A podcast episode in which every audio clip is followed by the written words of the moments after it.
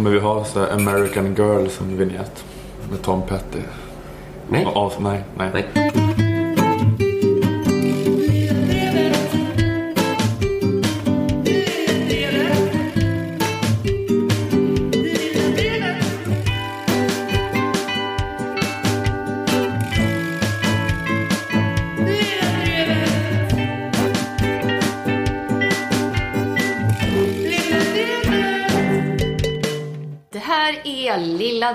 Drevet, en podd som görs i samarbete med Aftonbladet Kultur. Det är en podd som har fått fyra av fem klavertramp av Expressens Ulf Nilsson och fem av fem insparkade dörrar av GPs Frida Boysen. Eller Boysen, jag vet inte vad hon, hur hon uttalar. Jag vet inte. Marcus Birro, tror jag du uttalar Marcus det. Birro. Dessutom har Lilla Drevet utnämnts till Årets podd av gänget bakom Lilla Drevet. Jag som pratar heter Nanna Johansson och med mig har jag Kristoffer Kringlan Svensson och Ola Ola Söderholm. Hej på er! Hej. Hej. Hej! Eh, vi sitter ju inte i Kringlans vardagsrum som vi brukar utan på andra sidan Atlanten i den amerikanska staden San Francisco. Hur känns det att vi för första gången ska spela in en podd om svensk politik på icke-svenskt territorium? Jag tycker det är svårt för det blir ju såklart tydligare när man är en bit ifrån det inrikespolitiska. Vilka skitfrågor det är vi så här, engagerar oss jättemycket i. Och lägger tid åt att spela in poddar om och så. Futtigheten känns enorm. Det är lite konstigt att vi har umgåtts så otroligt mycket. Ja, eh, Och nu ska vi spela in podd. ja precis. Jag oroar mig lite för vi ska klara att eh, upprätthålla den här illusionen av att vi inte har umgåtts flera veckor i sträck eh, och är svintrötta på varandra. Ja men det var bara här nu när du ställer en, slänger ut en fråga så här och jag ska hamna vara i något sådär bjuda till mode Ja, du- ge- du får gentemot fan dig. bjuda till det kändes jätte, jättemärkligt. Det känns inte alls naturligt. Nej. Att, nu, att vi har liksom umgått så länge så att vi bara går och grymtar åt varandra på sin Ja, höjd. ja, Jag det är inte det- världsmästerskapet i skön stämning på den här resan. Nej, men det, det var ingen som trodde att det skulle bli heller. Nej. Nej men det är inte så att det är dålig stämning men man, eh, man, man slutar ju ändå bjuda till. Man slutar ju vara proffstrevlig efter Men- ett, ett tag. Och då går man bara och grymtar åt varandra. Men nu måste vi då upp i nivå lite grann Ja, igen. ni får leka att ni är Filip och Fredrik plus kvinna. Men vi har liksom bara umgåtts en vecka så här. Så att det borde ju inte vara... Det Vi kom in i väldigt sex dagar mer än vad vi brukar. Ja. Eh, men vi har i alla fall försökt följa nyhetsflödet via lite eh, knackiga wifi-anslutningar eh, samt till viss del amerikansk TV. Eh, men jag tycker de amerikanska nyheterna har varit lite enformiga. För varje gång man har tittat så har det bara handlat om ebola. Man kanske har suttit på en diner och tittat upp mot TVn och mötts av programsegmentet Ebola Watch. Man går på stand-up och alla komiker drar skämt om ebola. Ja, eh, de är rädda för det här. Ja, ebola är en superstor grej här. Eh, trots att hittills bara tre personer av 300 miljoner har varit ebola-sjuka på amerikansk mark. Det är inte ens en på miljonen utan en på 100 miljoner. Risken eh, att få ebola här är minimal. Det är typ större risk att en vanlig amerikan krossas under en fallande reklamskylt för baconaise än att hon får ebola. Det är större risk att hon blir framad för ett mord hon inte begått eh, och avrättas eh, i elektriska stolen än att hon får ebola. Och det är större risk att hon blir påkörd av en hyrbil med Ola Söderholm vid ratten än att hon får ebola. Men man ser inga Det nyhetsinslag som heter det har vi statistik Ola på Watch. va? Den, den risken är ju större även i Västafrika. Om man dör av Den att risken är Ola stor kör över med en hyrbil. Den dagen jag hyrde bil i LA så körde jag ihjäl fyra personer i Västafrika. Ja, det kunde hur verkligen det ha varit till. så. Så dålig bilförare är jag. Men du är ju väldigt mycket, du är självutnämnd hypokondriker av stora mått. förstår Mm, Men inte, jag du förstår inte, relaterar inte du? med, eh, jag är faktiskt lugn med ebola hotet. I alla fall här. Eller jag tycker det är en fruktansvärd tragedi i Afrika såklart. Men eh, jag tror inte det, man behöver oroa sig när man är i USA. Nej. Men ja, precis. Men det är den där känslan av att blöda till döds ur alla kroppsöppningar. I början, eh, nu drar vi igång podden.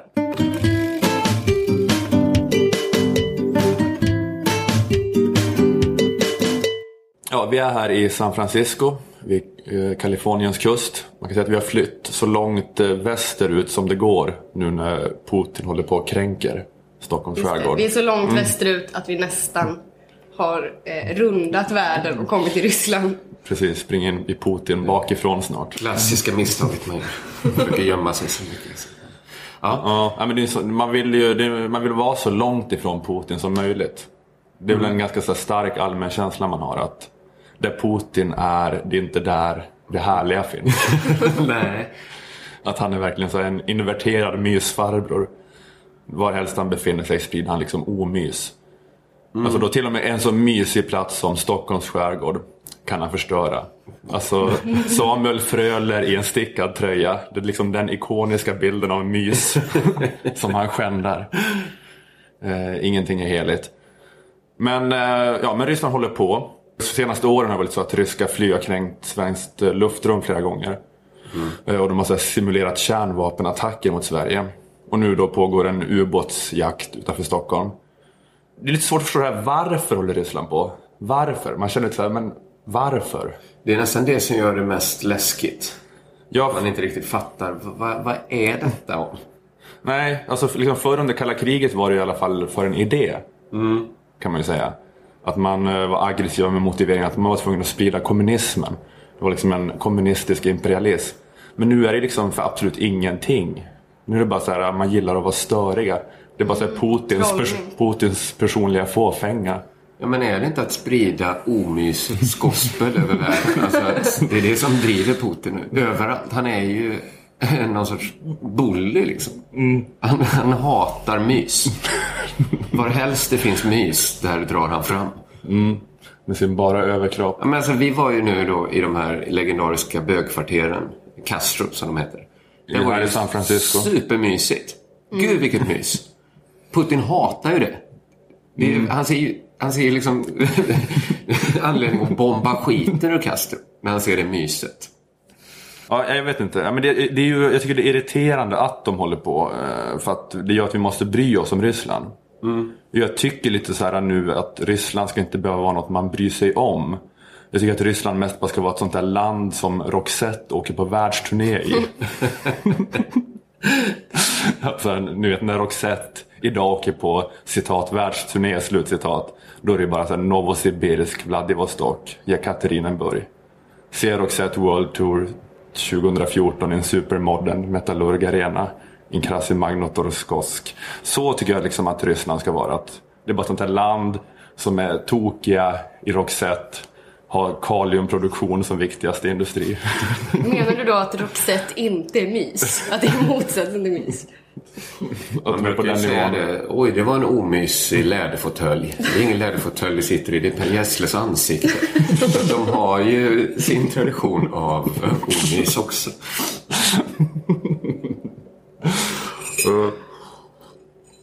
Men förutom då att Ryssland är tokiga i Roxette.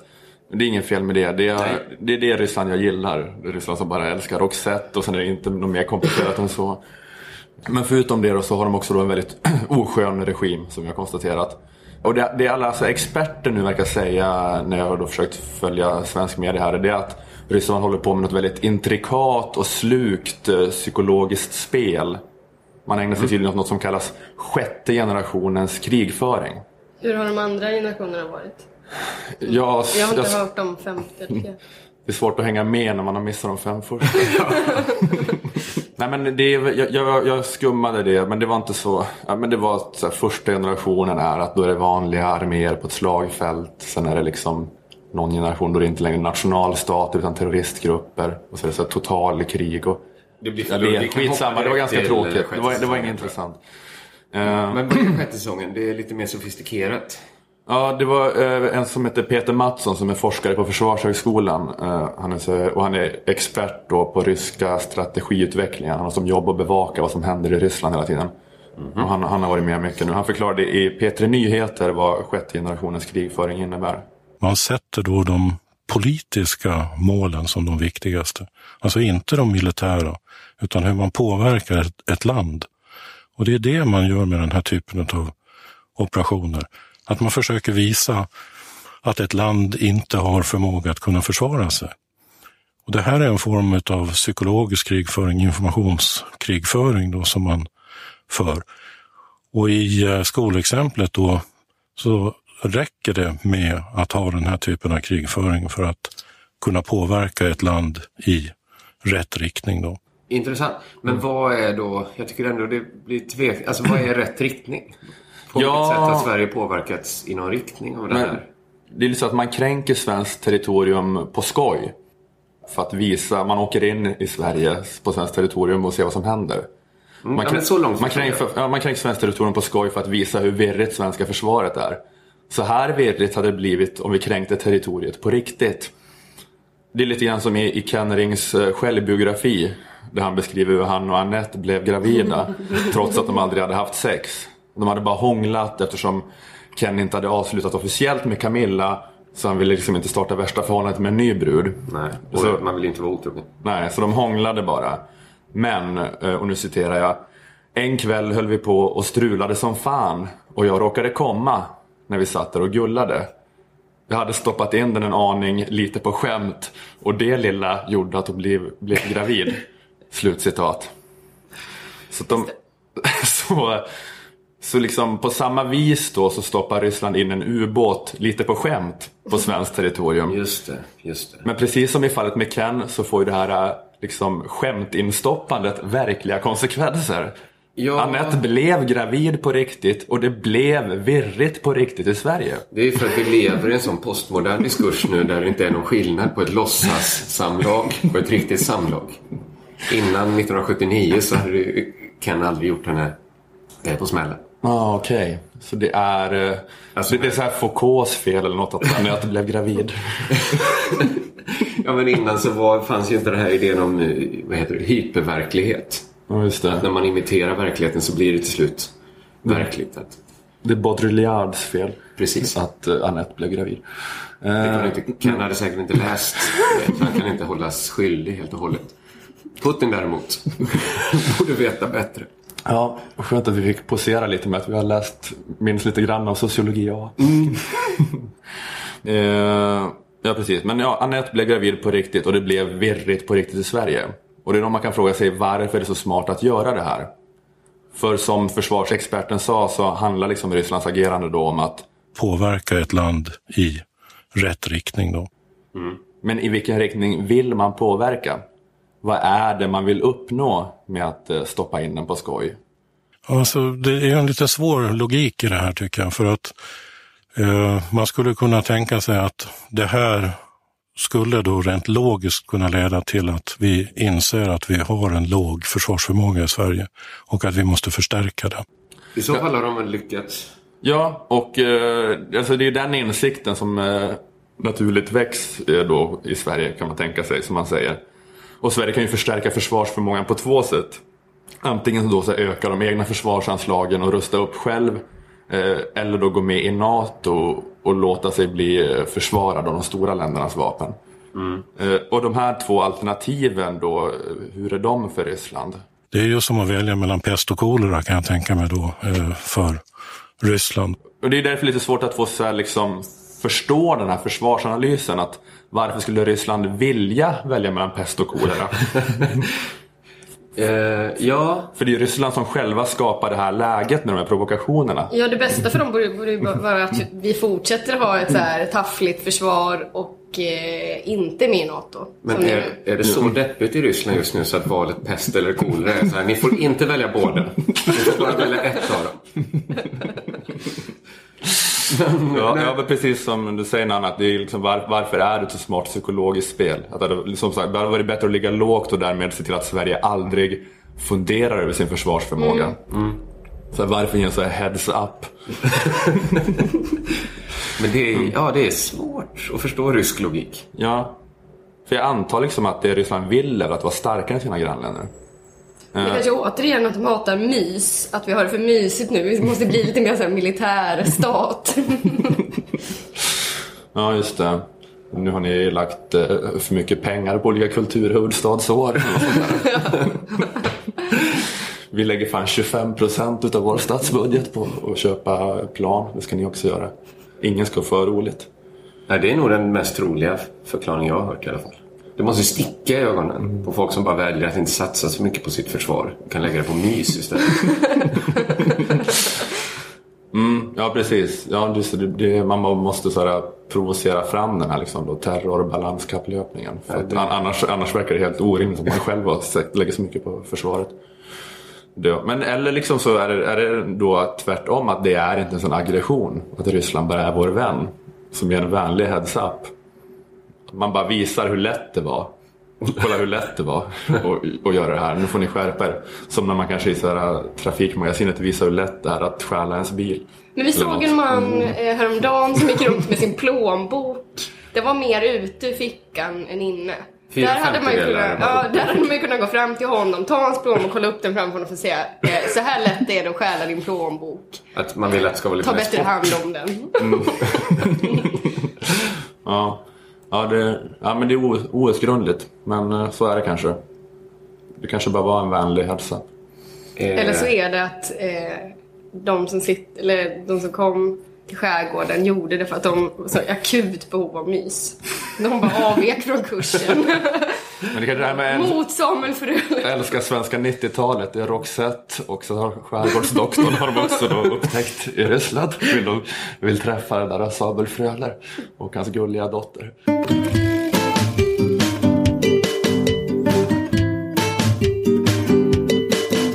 Okej, den här spaningen kommer kanske lite sent men det beror ju på att vi, vi är där vi är. Och inte Det riktigt är jetlag. eh, det har funnits stunder då jag nästan inte tänkt på Urban Alin överhuvudtaget. Va? Ja, jag, semesterhjärnan har kickat in här. Jag har gått förbi Urban Outfitters hela tiden. Jag kan jag inte associera till något annat. Det är ju ändå någonting, vissa saker har jag ändå lyckats tränga igenom. Och framförallt då att Jimmy Åkesson är sjukskriven. Just det. Det har ju nått ända till San Francisco. Och där att folk inte riktigt vet hur de ska förhålla sig till det här. Får man tycka synd om Jimmy Åkesson? Får man tycka att det är rätt åt Jimmy Åkesson att han är sjuk? Det är ingen som vet. Och när ingen vet manifesterar sig det i att alla plötsligt vet. Det är logiken som ni vet. Att Eller blir tvärsäker. Ja, ju svårare fråga, desto större tvärsäkerhet. Framförallt Özz eh, vår kollega, har fått kritik för att han skojade om Jimmy Åkesson, att han är utbränd. Och då har massa människor haft en åsikt i frågan. Vad var det för skoj han drog? Han drog skojet att... Nu kommer jag inte ihåg det. Vi kan, ska kolla upp det på hans Eh, Twitter? Det är utmattande att vara så rasistisk. Typ så. Ah. Fast på, med Özz eh, eleganta formulering naturligtvis. Eh, Men det var innehållet. Det var innehållet som var vidrigt eftersom det är mobbing att skoja om Jimmy Åkesson. Det är så jävla mycket att sparka neråt att skoja om någon som är ledare för Sveriges tredje största parti. Buhu, buhu, hu, hu, hu. Det är så lite vart, går gränsen då? Det måste vara en glidande skala. Får man eh, skoja om att Adolf Hitler var sockerberoende? Absolut inte. Funkofob. eh, men det, är märkligt hur känsligt det plötsligt blev. Eh, det jag har följt med då, eh, Elisabeth Höglund och Marcus Birro har varit väldigt röststarka i Ja, de har ju eh, skrikit om mobbning och... Det är mobbing, det är mobbing. Eh, men det här att man får skoja om ebola, cancer, aids, men inte utbrändhet. Nej, men även jag har följt på Twitter och har sett att, behöver inte hänga ut dem eftersom de är liksom mindre spelare, men ganska profilerade antirasister har ändå tyckt det varit fel att, att ens skoja om att Jimmy skulle vara utbränd. Att det är så Men är det inte att man vill visa så här, eh, jag kan hålla så många tankar i huvudet, jag kan hata Jimmy Åkesson som politiker, men jag kan också ömma för honom. Alltså att, att det är mer kanske att man vill visa någonting om hur jävla fin man själv är, som kan hålla isär de grejerna. Just det, man har ett hjärta av guld. Det är verkligen något så att ta sig själv på väldigt stort allvar. att, eh, så här, att alla människor känner behov av att ha en balanserad diplomatisk hållning. Precis. Alltså vad spelar det för roll? När historien skrivs så kommer jag framstå som jävligt god. Att alla ska liksom vara Jag som... kunde den där- till och med kyssa min fienders fötter. Som kysst Jimmy Åkesson även om han hade ebola. Sugit ut blodet. Det smittade blodet ur hans ringmuskel. Så god är jag. Trots att jag är antirasist. Ja men det är som, ja precis det ska vara balanserat på samma sätt som när Stefan Löfven ska uttala sig om Israel-Palestina. Att måste, man ska väga orden alla ska, det är ingen som ska svinga lite grann. Utan alla ska, ja. Precis. Och det är så himla hemskt att driva med de här självgoda jävlarna som blir utbrända.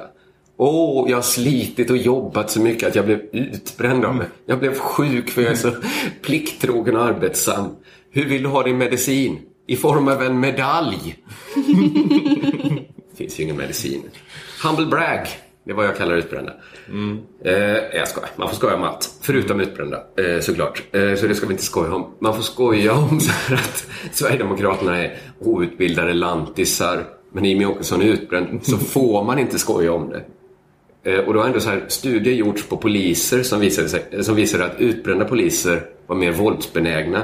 Studier på, studier på sjuksköterskor visade att utbrända sjuksköterskor visade mindre empati mot patienterna.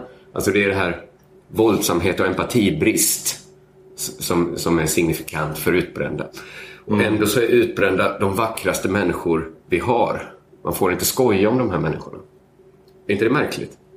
Att det är en sån himla godhetens sjukdom. Mm. Eh, jag vet inte när det, det måste ha bestämts nu när vi varit bortresta att man inte får skoja om utbrända. För jag har inte fått det mötesprotokollet. Eh, när det bestäms att utbrända var någon slags fridlysta jättepandor som man absolut inte får skoja. Men finns det, menar du att det är andra sjukdomar så att det är en dubbelstandard där? Finns det inte någon allmän moralisk indignation mot att skoja om sjukdomar? Det finns det säkert.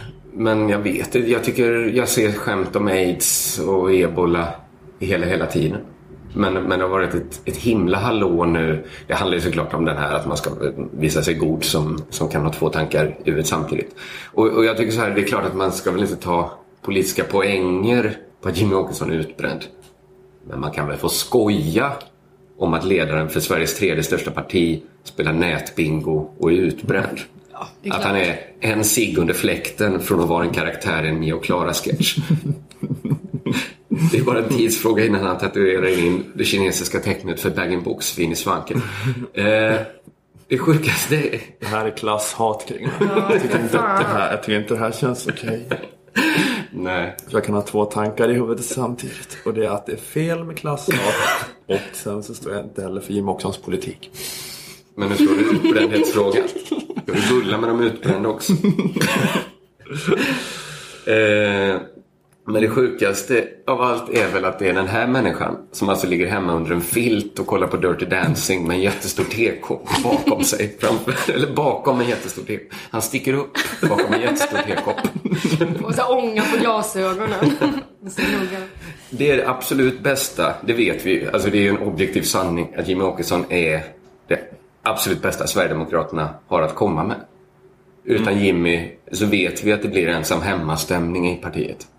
Det, blir, det är FF utan Jimmy. Här, Mattias Karlsson. Ta nycklarna till spritskåpet. Det är klart ni ska få en liten fest. Men se bara till att klipp till två timmar senare när det är Jonas, Jonas Gardell-roman över hela festen. Björn Söder pissar i DVD-spelaren. Linus Bylund gråter för att ingen vill hålla hans hår när han spyr. Var är brudarna? Eh, så, så vet vi att det är. Det är, det, det är liksom... Mm. Det är en kämpig sits Jimmy har. För hur ska han någonsin kunna sluta med det här som skadar honom? Men han mår ju inte bra av att leda det partiet. Uppenbarligen. Men, men vad är alternativet för partiet? Och vad är alternativet för Jimmy Åk Åkesson? Om han skulle sluta. För andra politiker kan ju bli, de kan bli så landshövdingar, generaldirektörer eller bara ta ett vanligt ovanligt välbetalt jobb inom PR och kommunikation. Men det blir liksom en konstig dag på, på webbyrån när chefen kommer in och presenterar den nya anställde. Här är Jimmy Åkesson. Du kan sitta jämte Marie.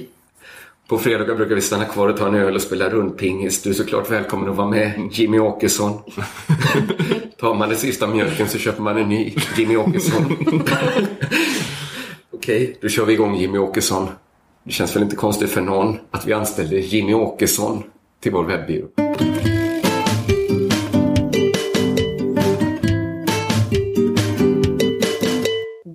Bodil Sidén har varit i farten. För den som inte känner till Bodil sedan tidigare så är hon pressekreterare för Moderaterna. Och och eh, även eh, tidigare känd som eh, upphovsman till en omskrivning av Kents låt La Belle Époque. Eh, och i hennes omskrivning så kan man bland annat läsa de här raderna. Jag är 50-års Thailandsresan, jag är sillen på högtider, den öppna migrationspolitiken, sysselsättningsstatistiken, jag är den snälla individualisten eh, och så vidare. Men det var hon alltså som gjorde den? Det var hon ja. Ehm, Poet. hon har även eh, kritiserats för att ha försökt reclaima uttrycket eh, bevara Sverige svenskt på en nationaldag för något år sedan. Eh, folk tyckte inte jättemycket om det. Nej, nej. Nej. Det har lite eh, mm, tråkiga konnotationer, det uttrycket Ja. kanske. Precis. Eh, Vi var inte redo för det reclaimandet. Eh, men nu har Bodil varit framme igen. Sia vad man vill om Bodil, men sysslolös, det är hon inte. Den här gången så har hon varit på moderat skolungdomsmaskerad och tagit en selfie där hon klätt ut sig till Nobelpristagaren Malala Yousafzai. Eh, just det. Man skulle klä ut sig till sin stora hjälte i livet. Just det, och då valde hon Malala, a.k.a. Barn-Gandhi. Eh, Hon, fick, hon fick Nobels fredspris för att hon... Vad är det hon har gjort för någonting? Blev hon Hon- skjuten? Hon blev skjuten av talibaner eh, när hon stod upp för sin rätt att gå i skolan. En toppenmänniska. Toppenmänniska som fan! Och också då Bodils eh, hjälte. För det var tydligen någon slags hjältemaskerad man skulle klä ut sig till. Till den man beundrar allra mest. Eh, Men det som gjorde den här maskeradutstyrseln uppmärksammad är då att Bodil inte nöjt sig med att ta på sig ungefär likadana kläder som Malala, hålla upp Malalas biografi I am Malala samt skriva bildtexten I am Malala. Eh, hon har också täckt ansiktet med brunt smink. Eh, och som du sa häromdagen Ola så har hon sminkat sig mycket mörkare än vad Malala är. Ja, hon höll upp en bild på en person som... Ja, på boken där. Och då Eh. såg, kunde man jämföra. Så att, ja, just det. Mm. Och det här har då fått kritik för att vara ett så kallat brownface, eh, som då är motsvarigheten till blackface, men främst riktas mot sydasiater. Eh, och det får man väl säga att det är ett brownface. Eh, det är en oerhört dum liten bild, eh, även om Bodils ambition då var att hylla sin stora idol och hjälte. Det blev fel. Men jag tycker så här, antingen så är Bodils idén en strategisk bråkstake av kringlanmått som mycket väl vet vilket helvete som kommer bryta lös eh, när bilden publiceras. Eller, mer troligt, så är hon helt aningslös. Lite som en duva som snappar åt sig ett tuggummi i tron om att det är en brödbit. Den borde få en dålig känsla i magen när den ser tuggummit, men det får den inte för den läste aldrig uppmaningen till duvor om att inte äta tuggummit. Eh, det har varit så mycket reaktioner mot folk som sysslar med blackface att jag tänker att om någon fortfarande håller på så är det för att den inte har fattat att det är fel med blackface. Den har aldrig klickat på en sån Nöjesguiden-länk och lärt sig om sånt här. Jag vet att det kan vara svårt att tro, men det finns människor som aldrig läser Nöjesguiden. De går runt i världen i fel sorts tights och lyssnar på fel sorts hiphop. Du menar att nej, hon visste inte det då? Att det var fel? Nej, men jag tror så här, Bodil, Bodils idén fick inte ens en lite olustig känsla i magen när hon skruvade upp locket på brunkrämsflaskan. Det gick inte ett sus av tvivel genom kroppen när hon tryckte på publicera på Instagram. Hon är helt clueless. Eh, och då tänker jag också, är någon så clueless så är det kanske onödigt att offra bra ilska på den personen. Det är ju klumpeduns. Det är lite som att skälla på någon som snubblar in i en bröllopstårta i, i ett YouTube-klipp. Eh, det- varför är du så klantig klant då? det är ingen som medvetet sätter sig i en så pinsam situation. Nej, men det är inte så. Jag kan ju förstå Bodil att hon inte tänkte så här att hon skulle bli Sveriges största rasist när hon tog sin egen foundation. Hon gjorde liksom en hyllning till den här människan. Eh, Hon tänkte kanske inte så här att oj, nu begår jag ett fruktansvärt rasistiskt övertramp här. Nej, Men, men, lutar eh, lite men, åt aningslöshet. men det är lite hennes... Det var lite, verkar vara ett samma linje här med att bevara Sverige svenskt. Att hon vill verkligen extremt väl. Men inte så här, hon har inte perfekt tonträff. Nej. Nej, Men hon är superung va? Hon är så här 19 kanske eller? Eh, nej, men eh, jag har tänkt i alla fall så här, eh, som jag nu har presenterat min tankegång, att eh, Bodil var eh, väldigt aningslös. Men sen eh, så fick jag höra henne kommentera den här bilden i P3 och då lät det så här. De anklagade mig för att inte känna till kulturell appropriering. Jag är väl bekant med det. Ja, så hon, hon kände till det. Och, Ja, Ja, fast brownface, är det en kulturell...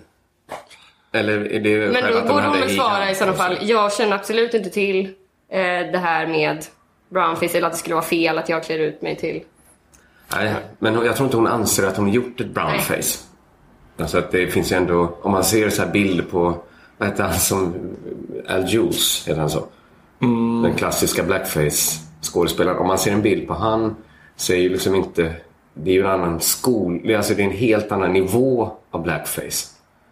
ja men, eh, men hon, hon har ju uppenbarligen gjort ett brownface. Hon har ju stått där och kletat brunt i ansiktet. Det är ju ändå svårt att komma runt. Jo, jo, men Det, hon, det måste ju ha förstått vad som hände då, när hon gjorde det. det såg inte ut som så här ett Tintin i Kongo-album.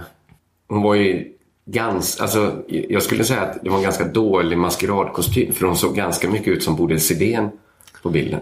Med en lite mörkare ton i ansiktet. Men det här också när hon säger att jag mycket väl vet vad kulturell appropriering är.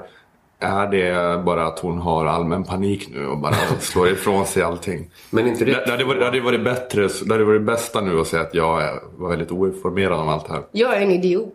Men det är dumt inte att det... säga jag har läst mer postkolonial teori än alla er tillsammans och jag väljer ändå att kleta brunt i Ja, ansiktet. det finns väl två nivåer i den frågan. Det är väl klart att vem som helst känner väl till vad kulturell appropriering är. För att det är ju inte en särskilt klurig teori. Saken är väl, man kan väl bara, man kan väl bara tycka så här, fast jag kan nog ändå få på mig en keps bak och fram. Eller? Vem som helst känner väl inte till det. Eller Nej, men vem, inte vem det som ordet. helst som vill ta reda på vad det är kan ju ta reda på det. Det tar ju en sekund att ta reda på det. Men nu, som hon säger nu är det då, då är det som att det var ett helt informerat, Helt medvetet, val. va? Mm. Eh, Då är det som att, då är det så här, jag kommer göra det här igen. Det är det hon säger. Jag tycker även att andra ska göra så. Nej, det är inte vad hon säger. ja, men ja, okej. Jag, vet, jag vet fan. Jag tycker det är lite klurigt det här. Det är inte så här helt solklart. Men det blev inte helt lätt att bara fria henne rakt av. Nej, visst. Det, det, men jag vet inte, jag är inte helt glad i den här liksom, kampen som ska föras på maskeradnivå heller. Eller? Det känns som mycket, mycket energi för att analysera någons maskeradkostym. Jo, jo, alltså det argumentet kan man ju alltid ha. Att det, det är mycket energi att lägga på väldigt mycket eh, på, på små händelser. Men om man då ändå ska diskutera den här händelsen så kanske och säga vad är rätt och fel i det här fallet kanske man ska säga då att det är rätt om du inte gör om det här. Om, du, om du säger att nu har jag lärt mig att man inte ska göra så här. Jag tror ändå att jag hejar på det laget. Klarare regler för maskeradkostymer så slipper vi sådana här problem i framtiden kanske. Eller? Kan du sluta försöka sammanfatta vad jag har sagt? jag vill inte. Nästa gång kommer de komma som bakdelen på en häst. då, då är hon safe. Mm. Det här är min idol. Lilla gubben. Eh, ja, eh, spännande ändå. Att det händer saker. Ja, gud ja. Tänk vad långt vi har åkt för att prata om Bodil Sidén. Här sitter vi och, då, och eh, slänger oss leven till en 19-årig muffare. Det är som med. Putin, man, kan bara, man försöker fly så långt som möjligt åt ett håll, men man kommer bara tillbaks. så är man tillbaks och är mitt uppe i en Twitter-fade. Om det är rätt att gå på maskerad eller inte.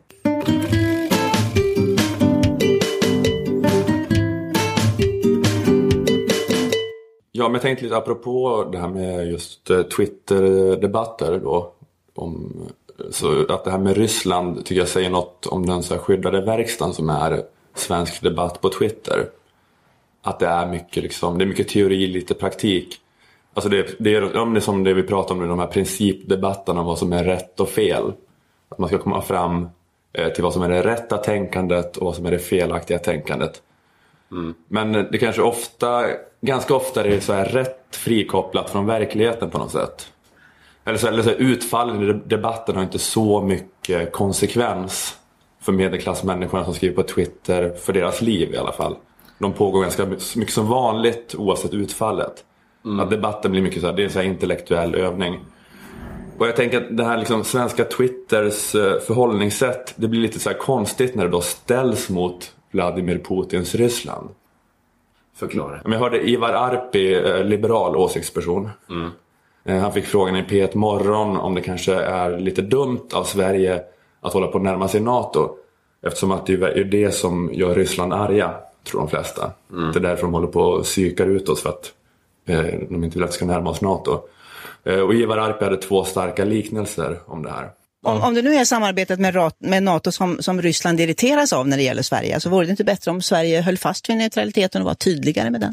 Man kan dra en liknelse till en skolgård. Om en mobbare mobbar olika människor och får dem att må riktigt dåligt, ska man då säga till den, den tjocka killen med glasögon att sluta vara så tjock och ha så fula glasögon. Varje nation måste ha rätten att själv bestämma ifall man vill vara med i ett försvarssamarbete eller inte. Det är lite som att höra liksom om, om så här, män, tjejer som går hem med kort, kort kjol från krogen. Liksom, och så här, ja, nej, men, kunde hon ha gjort någonting annorlunda? Ja, hon borde inte haft på sig kort, kort kjol. Det Göra sig själv populär. Stilstudie. ja, men det, är det, här, det är Ryssland som begår övergrepp. Och då ska man ju inte skylla på offret, Sverige. Precis som någon som det är fel att skylla mobbing på den som blir mobbad eller eh, sexuella övergrepp på den som Sverige blir borde utsatt. inte ha en så inbjudande skärgård. Precis. Ivar Arp, Arpi tycker att Sverige ska få en så horig skärgård som helst. Du ska ändå inte behöva bli utsatt för, eh, för övergrepp. Och det här är ju, det här är ju då superrimligt Ivar Arpi. Det är ju, det är en home run på svenska Twitter. Case closed. High five Cissi Wallin. Alla retweetar Ivar Arpi. Ja, men Ivar Arpi har rätt då i att alla länder bör få ingå i vilka allianser de vill. Man kan också förstå varför det inte är helt lätt att överföra den här principen om att Ivar Arpi har rätt och att Ryssland har fel direkt till svensk säkerhetspolitik. Alltså man skulle liksom avfärda de som har fel i största möjliga mån. Men om den som har fel sitter på ett överlägset våldskapital måste man säga någon gång ta hänsyn till det. Alltså det är sant att man ska få gå i kort, kort kjol.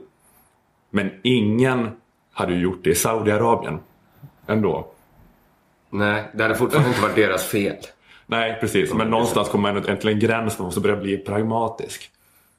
Eh, men jag, vet, jag tycker bara så här, sven- svenska Twitter har ju så mycket det moraliska övertaget såklart på Putin. Men vi har ju inte riktigt något våldskapital att sätta emot.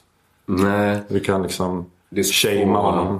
det är så få krig som bedrivs på det sättet att moraliskt, den som vinner moraliskt vinner kriget. Nu är vi inte i krig med Ryssland men Nej, men, men just med Ryssland är det ju så mycket sådana exempel på att det här äh, att det kan leda väldigt fel och tycka för rätt i förhållande mot Ryssland.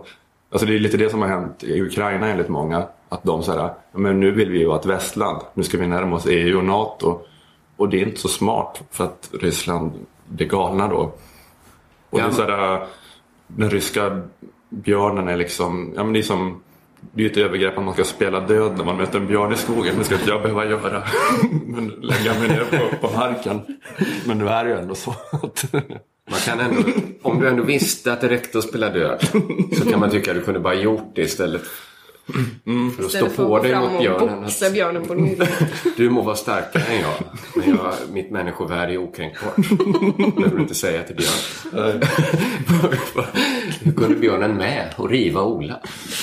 Har björnen ingen som helst analys? Ja, precis. Att eh, det, det hade gått bättre kanske för Ukraina om de låtsats vara lite smygkompisar med Ryssland. Ja, det är det som var grejen man säger att, att Finland var så här eh, supersmarta under- efter andra världskriget fram till muren föll. För att de så här, lyckades så här, närma sig väst exakt så mycket som Sovjet tolerera utan att bli galna liksom. Det är bara beklagligt att det ska vara så. Det är väl det. Man vill helst inte att det ska vara så. Att man måste... Ja precis, ja, men det är som att man bara kommer till någon sån här nivå då det här med att ha rätt är helt meningslöst. När man möter någon så här, det spelar väl ingen roll att du har rätt. det spelar för roll att du har Den rätt. har inte ens Twitter kanske. Det, där, det är inte ett argument att du har rätt. Nej, men även med det här mobbing-exemplet som Ivar Arpi sa. Att det är bra att stå upp mot mobbare. Så, såklart liksom i skolan. Men man vet liksom inte hur man själv skulle råda sina egna barn att göra. Så här, ta det här ensamkriget mot en som är fysiskt överlägsen dig. Som har massa kompisar. Ja, det är liksom... Nu skaffar vi linser åt dig istället.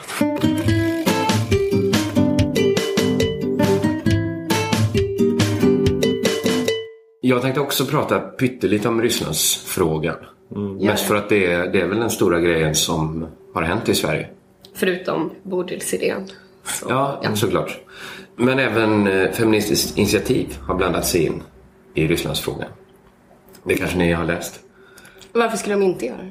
Nej, varför inte? Gudrun Schyman och Veronica Svärd skrev artikeln Julafton för patriarkala försvarsromantiker. Där de menar att eh, det här är en manlig pojkrumsfantasi att Ryssland skulle ha något intresse av Sverige. Det är en väldigt så här, självsäkert skriven artikel och tesen som hamras fast är satsningar på ubåtsjakter, sjunkbomber och avlyssning har inget med fredsbevarande att göra. Det handlar om en föråldrad patriarkal politik som får försvarsromantiker att fira julafton. Det är tesen. Eh, Det är också att skydda sig mot en superpatriarkal struktur. Eh, Eventuellt, ja. Men jag blev liksom nyfiken på var själva självsäkerheten kom ifrån. Eh, och då insåg jag att det naturligtvis är Veronica Svärd som står för den. Eftersom hon är ju Feministiskt initiativs försvarspolitiska skuggutskott. Feministiskt initiativs stridspitt. Precis. Hon måste ju vara någon slags auktoritet på området. Som förklarar hur Fi kan vara så här säkra på att detta inte har något med fredsbevarande att göra. Vem är då Veronica Svärd, FIs försvarspolitiska skuggutskott? Eh, för det första är hon nog inte så bekväm med titeln eftersom Fi inte vill ha något försvar. Det vet ni kanske att de talar hellre om säkerhetspolitik. Eh, fast inte Veronica Svärd. Hon har nästan aldrig talat om säkerhetspolitik. Det har aldrig varit en fråga som intresserat henne. Mhm. Feministiskt initiativs inställning är då att försvaret ska nedrusta, nedrustas. Eh, Så jag fattar att det, det sitter, även om du skojar, men det sitter inte någon gammal stridspitt som försvarspolitiskt skuggutskott. Eh, Veronica Svärd har liksom inte ens haft nedrustningen som någon fråga någonsin. Eh, men eh, är det att partiet bara har velat gömma undan henne i någon så här, vad de tycker är en icke-fråga? Eller? Ja, eh, alltså att hålla i försvarsfrågorna i FI, det är liksom som att ansvara för det muslimska alternativet på SDs lunchbufféer. Det är inte det jobbet som folk i partiet drömmer om. Konkurrensen är inte stenhård här. Men Men, liksom inte, men de har ju ändå ett case som de driver att nedrustning är viktigt. Men det är liksom inte Veronica, har inte varit Veronica Svärds fråga. Hon kandiderade på hennes viktigaste frågor, antirasism, flyktingfrågor och HBTQ-frågor. Inte nedrustning av försvaret. Eh, Som alltså är FIs huvudfråga när det kommer till. Men det har ju någon slags nyckelposition i deras politik ändå för att det är mycket där man får ihop eh, budgeten. Att de har hittat den här, vi har en utgiftspost här på tusen miljarder försvaret, så bort med den och sen så, Just så tar man de miljarderna till allt annat. Precis, men, men jag tänker då kanske Veronica Svärd har andra kvaliteter, andra erfarenheter eh, för att uttala sig om försvarspolitik på det här säkra sättet. Men FIs valberedning motiverade Veronica så här inför valet. Veronica har en välbesökt blogg och syns mycket i sociala medier med vår politik. Veronica är socionom, genusvetare och doktorerar i socialt arbete. Så jag kollade upp hennes blogg Hur ringar det där in en FI-politiker? Vad menar du Ola? Vilken FI-politikers biografi är det här? Hon har en välbesökt blogg och syns mycket i sociala medier. Hon har en socionom, genusvetare och doktorerar i socialt arbete.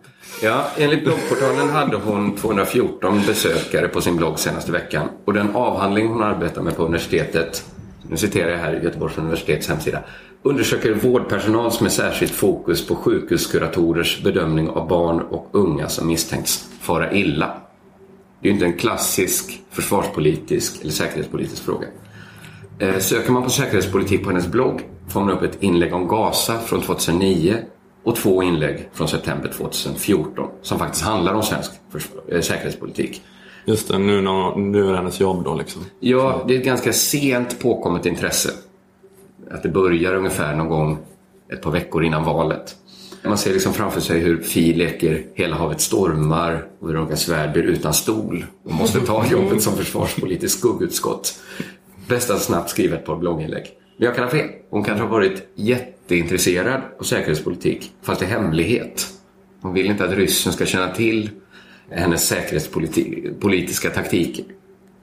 Ja, just det. På så vis så är hon en mycket slugare säkerhetspolitisk spelare än Carl Bildt Hon går inte på de här provokationerna. Nej. Hon, hon blottar inte hur mycket hon vet om säkerhet. Men nu har hon gjort det i och för sig. Den här, nu lockades till och med hon ut i ljuset här. Eh, jag tror liksom att hon är en jättesmart människa. Allt tyder på det liksom. Och hon, hon kan säkert mer om mig, om försvarspolitik. Men jag kan ju å andra sidan ingenting. Nej. Så att det är liksom, fråga inte mig. Eh, Men ändå kan jag liksom inte förstå var säk- självsäkerheten i debattartikeln kommer ifrån. Kan ni förstå det? Att den här tvärsäkerheten om att det här har ingenting med eh, fredsbevarande att göra. Ehm, Detta är alltså en människa som hela track recordet, hela CVt om säkerhetspolitik, det är två blogginlägg. Ja, det känns ju lite grann som en eh, pacifistisk hållning. Va? Att det är, det hjälper inte någonting att vi har en armé. Det är bättre Nej, att, det- vi, att vi kan eh, inte, vi ska inte ha en armé. Det var ett eh, case som hade också Gudrun och Veronica att, att det är liksom en historisk lögn att vi just nu skulle ha dålig militär kraft mot supermakterna för vi har aldrig haft det. Men det är kanske inte ett argument för att vi aldrig ska ha det heller. Jag, vet, Ja. jag, jag kan ju som sagt ingenting om Nej. försvarspolitik. Nej. Jag, jag tyckte bara det var, var liksom intressant att se var självsäkerheten kommer ifrån. Men att vara så eh, professionellt pacifist som hon då är, eh, är ju också det, det enklaste man kan vara. Alltså det är ju bara att det är kanske världens mest komplexa fråga om man har valt man har valt den superlätta linjen då man vet vad man ska svara i alla lägen. Ja. Bara, nej, nej vi ska inte ha en, eller, Men det är lite som när man ser så här någon ISIS-krigare skära halsen av en fransk journalist så tänker man inte här behövs mer samtal. Det är ju inte liksom den kän- alltså det är inte pacifismens regler som kommer till en. Utan man tänker ju mer så här bomba skiten ur de jävlarna. Men det är, så, men det är på sätt och vis enklare ändå rent eh, som intellektuell hållning så, så är det väldigt enkelt då pacifismen. Att Då kan man ändå tänka att man ska aldrig göra någonting, då vet man det. För det är ju alltid en avvägning det där, när gör det mer skada än nytta att bomba skiten. Och, så. hon, behöver inte, hon behöver inte tänka på det. Eller fundera alls. Om partilinjen är råpacifistisk. Jag var ju ändå, jag får ju säga att jag var glad att jag mönstrade när det var liksom nedskärningar i försvaret. för min egen del har det varit svinbra för jag slapp kasta bort ett år så här. Och till att göra något jag absolut inte ville. Men, men det är mer, jag vet inte om jag vill upphöja det till allmän lag. Det att det var mest lite tur för mig tänkte jag. Men du menar att du kanske borde vara försvarspolitisk talesperson för FI och skriva en Nej, debattartikel nej. om hur skönt det var det här när du var mönstrat. Du behövde bara liksom fejka att du hade lite ont i knät så fick du frisedel direkt. Nej, för jag och så tror att- kunde du istället uh, åka liksom med eh, din kompis till Thailand. Nej, för jag är en av liksom eh, klamydia Jag tillhör den, den lilla gruppen som vet mindre om försvarspolitik än Veronica Svärd. Så jag ska inte uttala mig. Jag uttalar mig inte om försvarspolitik. Jag uttalar mig om, om den här debattartikeln. För det har jag ju viss skolning i att läsa debattartiklar. Det är en stora mys och hobby. Sitta och reta upp sig på sin kammare.